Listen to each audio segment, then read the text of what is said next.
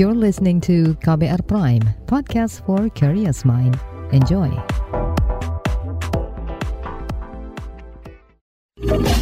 Kamu lagi dengerin What's Trending KBR Pagi.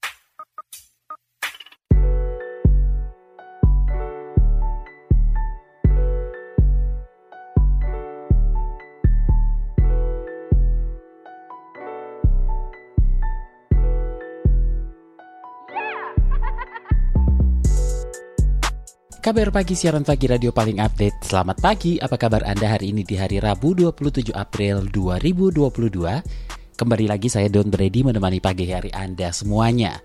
Mewaspadai temuan mamin berbahaya buat konsumen. Itu yang kita obrolin pagi ini. Jadi Badan Pengawas Obat dan Makanan atau Badan POM menemukan sekitar 30% produk sarana peredaran makanan olahan melanggar aturan pangan yang aman dan bermutu. Temuan itu didasarkan pada 1.900 jumlah sampel yang diambil dari retail, importir, gudang distributor, hingga e-commerce. Kepala Badan POM Penny Lukito mengatakan lembaganya mengintensifkan pengawasan pangan pada masa Ramadan dan menjelang Idul Fitri 2022. Dia menjelaskan sebagian besar atau sekira 60% dari pelanggaran itu termasuk kategori kadaluarsa. Kemudian 5% pangan rusak dan 38%-nya tanpa izin edar. Karena itu ia meminta konsumen teliti sebelum membeli pangan. Selain itu, Badan POM juga masih menemukan takjil yang terkontaminasi formalin dan boraks. Penny mengatakan sebanyak 1,5% takjil yang diawasi dan diuji terkontaminasi bahan berbahaya. Penny menambahkan pengawasan dan pengujian sampel takjil di sejumlah wilayah merupakan bagian dari edukasi kepada masyarakat. Diharapkan bisa memberikan efek jerah bagi pelaku usaha yang melanggar izin edar pangan. Sebelum kita obrolin lebih lanjut soal ini, kita dengarkan dulu komentar warganet plus 62 berikut ini.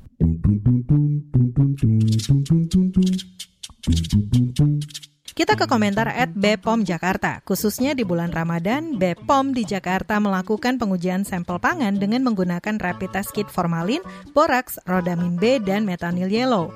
Berdasarkan hasil uji, masih ditemukan pangan yang mengandung rodamin B dan boraks. Kita ke komentar at Berita KBR. Jenis pangan yang banyak melanggar izin edar adalah produk kopi, tepung, gula, hingga pengembang kue. Lalu at Bepom Aceh, kegiatan diawali dengan pemeriksaan distributor pangan dan retail dengan tujuan melihat kelayakan produk yang dijual demi melindungi masyarakat dari bahaya produk pangan tanpa izin edar, rusak, dan kedaluarsa. Sampling dan pengujian terhadap makanan takjil juga dilakukan. Lalu at 68 Supri XX, semoga BPOM semakin proaktif dalam mengungkap segala bentuk kejahatan di bidang kesehatan, makanan, minuman, dan obat-obatan yang membahayakan masyarakat. Lalu at Baco XX, masih mau konsumsi jajan yang nggak sesuai standar produksi. Ingat kesehatan lo ya.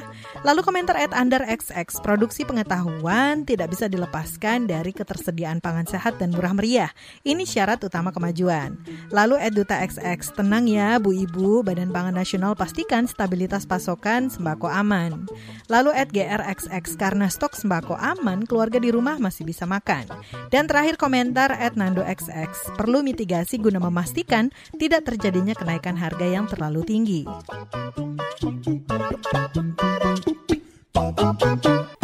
What's Trending KBR Pagi Kita lanjutkan obrolan kita pagi ini. Kepala Badan POM Penny Lugito mengungkapkan jenis pangan yang banyak melanggar izin edar adalah produk kopi, tepung, gula, hingga pengembang kue. Kemudian bumbu masakan, makanan ringan, serta minuman kemasan. Selain itu, produk yang banyak ditemukan rusak adalah susu UHT, susu steril, serta saus-saus makanan. Dari tadi ya, dari sekitar 1.900 sarana peredaran pangan olahan yang dilakukan pemeriksaan secara intensif, sekitar 32 persen ya, 601 sarana masih memenuhi menjual produk yang tidak memenuhi ketentuan. Tadi apakah itu rusak, kadaluarsa, ataupun tanpa izin edar. Jadi memang ada 30 persen, sekitar 30 persen sarana yang masih menjual produk tidak memenuhi ketentuan. Namun saya kira kualitasnya dari produk yang ditemukan, ya, jumlah sarananya mungkin masih 30 persen. Ya, itu sebenarnya masih consider besar juga ya, 30 persen. Itulah kenapa kita harus terus melakukan pengawasan. Tapi kualitas eh, yang didapatkan semakin baik saya kira ya kualitas yang temuan-temuan yang didapatkan. Rinciannya adalah dari 601 sarana ini adalah 576 sarana retail terdapat 37 persen dari sarana yang tidak memenuhi ketentuan ya. Yang ada produk tidak memenuhi ketentuan. Dari gudang distributor ada 7 persen dari gudang importir 11 persen ya yang tidak memenuhi ketentuan dan gudang e-commerce itu ada 22 persen. Jadi lebih besar nih gudang e-commerce. Di gudang e-commerce itu ada 22 persen yang masih tidak memenuhi ketentuan. Jadi saya kira ini akan menjadi catatan kami yang ke depan akan lebih intensif lagi kita melakukan pengawasan pada gudang-gudang e-commerce ya karena ini kita dapatkan 22 persen dari 9 sarana tersebut masih didapatkan produk-produk yang tidak memenuhi ketentuan kadaluarsa ya lebih banyaknya. Dari 600 sarana tersebut, pangan yang tidak memiliki ketentuan tersebut, 57 persennya adalah pangan kadaluarsa, 5 persennya rusak, 38 persennya tanpa izin edar. Jadi pangan kadaluarsa itu yang harus kita waspadai ya untuk betul-betul membaca cek klik cek kemasan cek label cek tanggal kadaluarsanya dari pangan tersebut ya. Penny menegaskan bahwa pemerintah akan fokus mengawasi peredaran pangan mulai dari takjil hingga bumbu masakan dengan menggandeng toko masyarakat hingga pelaku usaha. Dilihat dari wilayah kami menemukan produk-produk yang tidak memenuhi ketentuan tersebut, saya kira perbatasan dan timur ya wilayah timur, Manokwari, Pulauan Tanimbar, Ambon, Manado itu banyak ditemukan pangan kadaluarsa. Demikian juga pangan tanpa izin edar. Pangan tanpa izin edar banyak masih ada di Jawa, ada di Bandung, di Rejang Lebong, ya, pangan rusak ada di Ambon, Manokwari, Banyumas, Yogyakarta. Jadi saya kira agak mix up juga ya.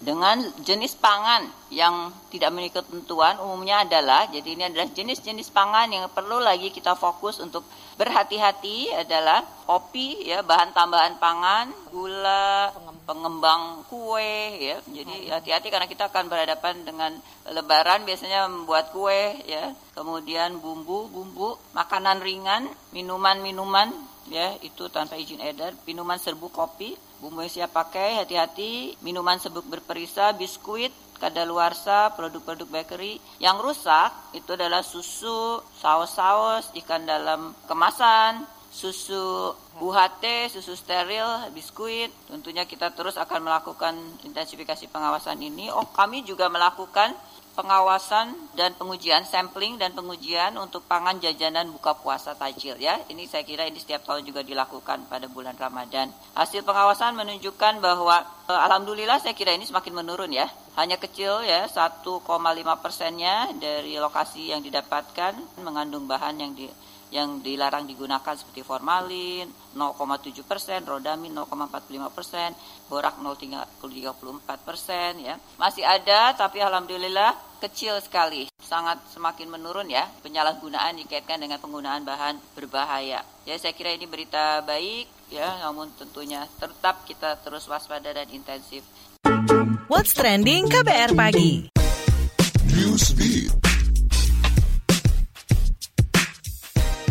Warga di ibu kota Beijing, Tiongkok mendatangi tempat-tempat pemeriksaan kesehatan untuk antri pemeriksaan COVID-19. Dikutip Reuters, sebelumnya pemerintah Tiongkok berencana melakukan pemeriksaan massal terhadap 20 juta orang dan memicu kekhawatiran tentang lockdown atau penguncian wilayah yang makin panjang. Banyak orang di Beijing juga memadati pusat-pusat perbelanjaan untuk memborong makanan dan kebutuhan lain karena khawatir akan ada lockdown tiba-tiba. Sejauh ini otoritas Beijing menutup sejumlah tempat publik seperti tempat olahraga, bioskop, lokasi wisata, dan lain-lain. Elon Musk resmi membeli platform media sosial Twitter. Sebelumnya, Twitter tampak akan menolak tawaran 44 miliar US dollar yang diberikan Musk untuk perusahaan tersebut. Namun setelah mulai negosiasi, kedua belah pihak akhirnya menemui kesepakatan. Kehadiran Elon Musk sebagai orang nomor satu Twitter disebut banyak pihak akan membuat perubahan pada platform berlogo burung biru tersebut. Salah satu dugaan yang cukup kuat adalah Musk akan mengembalikan kebebasan berbicara di Twitter. Meski demikian, belum diketahui langkah apa yang akan dilakukan Elon Musk untuk mengembalikan kebebasan berbicara di Twitter. Sebanyak 11 aplikasi termasuk yang jadi penunjang aktivitas di bulan Ramadan di Play Store disebut mencuri data penggunanya. Kini dua aplikasi di antaranya, yaitu Simple Weather and Clock Widget dan Full Quran MP3 50 Plus sudah diblokir oleh Google. Kominfo menyatakan dari sederet aplikasi itu, Speed Camera Radar, Al Muazzin Light, dan Wi-Fi Mouse menjadi aplikasi yang paling banyak diunduh dengan masing-masing diunduh sekitar 10 juta kali. Beberapa aplikasi lain diunduh mulai dari 1 juta hingga 5 juta kali. Saat ini Kominfo tengah berkoordinasi dengan kepolisian dan Google untuk proses investigasi. What's Trending KBR Pagi Masih di What's Trending KBR Pagi, kita lanjutkan ngobrolin soal mewaspadai temuan mamin berbahaya buat konsumen. Berbicara soal banyaknya produk pangan yang melanggar aturan pangan yang aman dan bermutu, tentunya merugikan konsumen.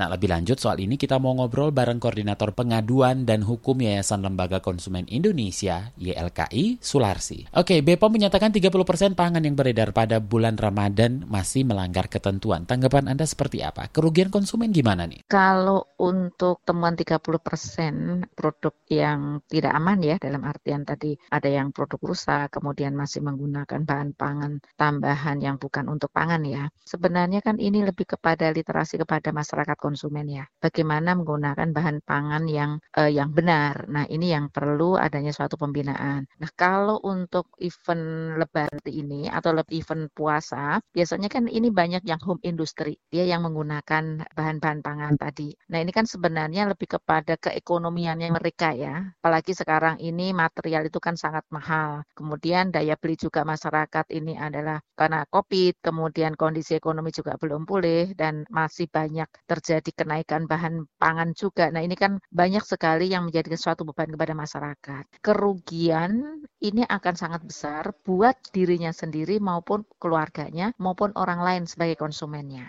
ini untuk makan makanan yang tajil tadi. Nah, ini yang perlu adanya ada edukasi, kemudian ada suatu pembinaan karena ini akan terus berulang karena ini lebih kepada faktor ekonomi. Nah, penyelesaiannya ini yang juga bukan hanya untuk penegakan tetapi juga bagaimana solusi edukasi saja tidak cukup. Perlu ada menggandeng. Misal bahwa Badan POM juga bisa menggandeng untuk stakeholder lain atau dinas-dinas yang lain. UMKM misalnya atau koperasi misalnya. Dan yang kedua adalah bahwa apa yang dia hasilkan produksinya itu adalah memberikan suatu keamanan untuk pangan kemasan. Mau lebaran seperti ini kan memang banyak sekali ya. Nah ini yang perlu di, diperhatikan adalah bahwa barang-barang tersebut ada barang-barang domestik atau barang-barang yang dari impor. Nah kalau yang dari impor ini juga harus perlu diperhatikan masa daluarsanya. Biasanya kalau barang impor itu mendekati masa daluarsa itu kan diskonnya sangat tinggi sekali. Bukan hanya Badan POM aja yang punya peran, tetapi masyarakat ketika menemukan produk sudah daluarsa atau mendekati daluarsa, kemudian barang-barang yang rusak dalam artian rusak secara fisik, misalnya penyok, bungkusnya yang sudah kurang baik. Nah ini bisa secara aktif melaporkan kepada si penjaganya atau pengelolanya. Nah ternyata banyak ditemukan barang kadaluarsa di gudang e-commerce. Apakah YLKI pernah menyoroti soal ini? Sebenarnya di gudang e-commerce atau di retail modern konvensional ini kan sebenarnya hampir sama. Cuma yang satu adalah menggunakan platform, yang satu adalah dengan retail modern dia juga punya gudang. Sama. Ya. Hanya tempatnya, caranya dalam menjualkan ada beda. Satu adalah menjual di retail modern secara konvensional, yang satu adalah menjual di platform e-commerce. Pengawasan ini kita kita apresiasi gitu loh. Bahwa di retail modern yang konvensional maupun uh, secara platform ya, secara commerce. Nah, ini sama perlakuannya. Nah, kami juga bahwa masyarakat ketika membeli di e-commerce itu adalah sangat penting menanyakan hak untuk mendapatkan informasi yang benar, jelas dan jujur kepada si penjual atau si merchant di e-commerce tadi. Kita adalah bisa melakukan chatting, apakah ada registrasinya atau tidak. Ini ada sangat penting. Misalnya tanggal daluarsanya kapan. Ketika kita mendapatkan informasi itu kan hak kita. Tetapi ketika kita menanyakan kepada si merchantnya itu adalah tidak diinformasikan, berarti kan ini menjadi suatu tanda tanya. Makanya konsumen bisa memilih atau menggunakan hak pilihnya itu adalah ke platform yang lain. Kalau ada pelanggaran, apa pengenaan sanksinya cukup efektif? Kalau untuk melalui platform, ini kan platform jadi marketplace itu juga punya tanggung jawab. Artinya ada aturan-aturan yang diterapkan kepada para calon merchantnya untuk menjual. Itu kan ada hal-hal tidak boleh melakukan suatu pelanggaran. Karena ketika terjadi pelanggaran, maka si merchant pun juga turut serta nanti bisa digugat atau juga turut serta nanti juga masuk di dalam ranah pidana ketika menjual suatu produk yang adalah produk ilegal atau produk yang melanggar hukum atau produk yang melanggar hak cipta misalnya. Masyarakat diminta selalu waspada dan teliti memeriksa. Bagaimana perlindungan bagi konsumen? Ada dua, kalau tempat membelinya kita secara konvensional tadi di retail modern kita langsung melihat barangnya, kita bisa membeli. Sekarang sudah banyak kok edukasi yang terus, sosialisasi yang terus dilakukan, literasi masyarakat juga sudah mulai tumbuh gitu kan terkait dengan bagaimana kita memilih suatu produk. Gencar yang dilakukan oleh Badan POM itu terkait dengan jargonnya klik, artinya bahwa daluarsa harus informasi labelnya, misalnya harus di, diketahuinya, misalnya adalah dari fisiknya, dari warnanya atau perubahannya. Nah, kalau yang terjadi di e-commerce tadi, di e-commerce kan kita tidak bisa melihat langsung, hanya gambarnya saja. Kadang-kadang gambarnya tidak secara jelas disebutkan. Kita juga meminta merchant karena ketika melakukan suatu bisnis itu kan akan berkelanjutan ya. Ketika dia memberikan produk yang kurang baik kepada konsumen, pasti akan ditinggalkan. Nah, yang terpenting ada dari sisi konsumennya ini adalah ada informasi dua arah. Walaupun itu lewat e-commerce, tetapi konsumen juga punya hak untuk mendapatkan informasi tadi, informasi yang benar, jelas dan jujur. Tapi yang menjadi masalah sekarang adalah kalau itu adalah platform resmi, itu kan marketplace itu ada terdaftar ya. Yang menjadi masalah adalah ketika konsumen ini adalah berbelanja melalui media sosial. Ini yang akan sangat riskan. Terima kasih Koordinator Pengaduan dan Hukum Yayasan Lembaga Konsumen Indonesia, Sularsi. What's trending KBR pagi? Commercial break. Commercial break. Walah, ada OTT lagi nih. Bro, Udah nunggu dari tadi ya? Sorry, sorry, macet. Bentar, bentar. Ini ada apa nih di Surabaya? Ini penting nih. Hoax apa bukan ya info ini? Mantengin timeline apa sih? Seru amat. Jadi lari sore nggak nih? Nih, kamu perlu tahu juga. Supaya update berita, pantau timeline at berita KBR bro. Akun Twitternya KBR. Beragam beritanya dan yang terpenting media ini terverifikasi Dewan Pers. Dijamin bebas hoax. Oh, oke. Terus rencana olahraga sore jadinya hoax nggak nih? Oh ya jadi dong, masa hoax sih? Ini demi menjaga kesehatan jiwa dan raga bro Bentar, nah ini versi podcastnya bro KBR Prime, sambil lari bisa dengar berita-berita dari KBR Hmm, bentar deh, kok kayaknya tukang bakso di seberang sana itu ngeliatin gua mulu ya? Apa perasaan gua aja yang tiba-tiba lapar? Gimana kalau kita... Alah bro, bro KBR, inspiratif, terpercaya. What's trending KBR pagi?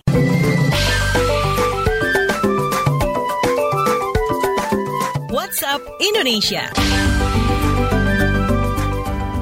WhatsApp Indonesia kita mulai dari Banyuwangi, Jawa Timur. Pemerintah Kabupaten Banyuwangi, Jawa Timur akan memberikan sanksi jika ada aparatur sipil negara di lingkungannya yang menggunakan kendaraan dinas untuk mudik lebaran. Sekda Banyuwangi Mujiono menyatakan mobil dinas selama pelaksanaan cuti lebaran wajib dikandangkan. Aturan ini tertuang dalam surat edaran Kemenpan RB. Kata dia, konsekuensi bagi yang melanggar akan diberikan teguran, kemudian sanksi sedang, bahkan sanksi berat. Sekda Banyuwangi Mujiono menambahkan seluruh kendaraan berplat merah wajib disimpan dan tidak boleh digunakan mulai 28 April 2022. Mobil dinas dapat diambil kembali pada 8 Mei 2022. Selanjutnya menuju Banyumas, Jawa Tengah. Kementerian PUPR mewaspadai sejumlah titik rawan longsor di jalur selatan Jawa Tengah, ruas perbatasan Jawa Barat, Jawa Tengah di Cilacap dan Banyumas pada mudik lebaran 2022. Koordinator lapangan PPK Bina Marga Wangon Batas Jabar, Pujiono menyatakan ada dua wilayah paling diwaspadai pada mudik kali ini, yakni ruas Lumbir, Kabupaten Banyumas, dan ruas Wanareja Dayah Luhur, Kabupaten Cilacap. Kata dia, di wilayah Lumbir, jalan berimpitan langsung dengan jurang dan tebing. Sementara di Wanareja, sebagian besar jalan diapit tebing sehingga rawan longsor. Resiko longsor meningkat saat hujan deras melanda wilayah ini. Meski begitu, Pujiono memastikan secara umum, jalur selatan Jawa Tengah sudah aman dan nyaman dilintasi pemudik. Kondisi aspal hingga drainase sudah optimal. Petugas saat ini hanya melakukan perawatan berkala seperti pada bahu jalan dan kondisi marka.